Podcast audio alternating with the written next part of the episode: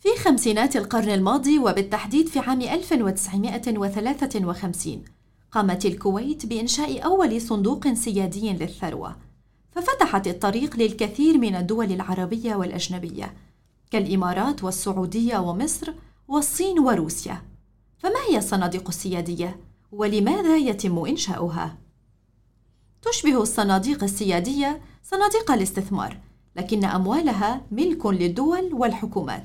حيث تستثمر هذه الأموال خارج وداخل البلاد في مشاريع ضخمة كشراء الأصول أو الأسهم أو بناء المطارات الجديدة والعقارات وذلك بدلاً من الاحتفاظ بالأموال في البنوك المركزية يتم إنشاؤها عادة من الأموال الفائضة عن حاجة الدولة ومن عمليات العملة الأجنبية الرسمية أو عوائد صادرات الموارد. هدفها الأساسي دعم الاقتصاد وحماية الميزانية، وتحقيق عوائد أكبر من احتياطيات العملات الأجنبية، والتخلص من السيولة غير المرغوب فيها، إضافة لزيادة التوفير للأجيال المستقبلية.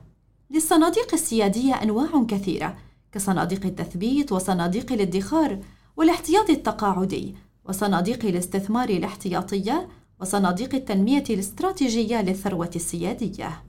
عالمياً يتربع صندوق تقاعد الحكومة النرويجية العالمي على قائمة الصناديق السيادية، وهو أول صندوق سيادي تجاوزت قيمته تريليون وثلاثمائة وواحد وسبعين مليون دولار.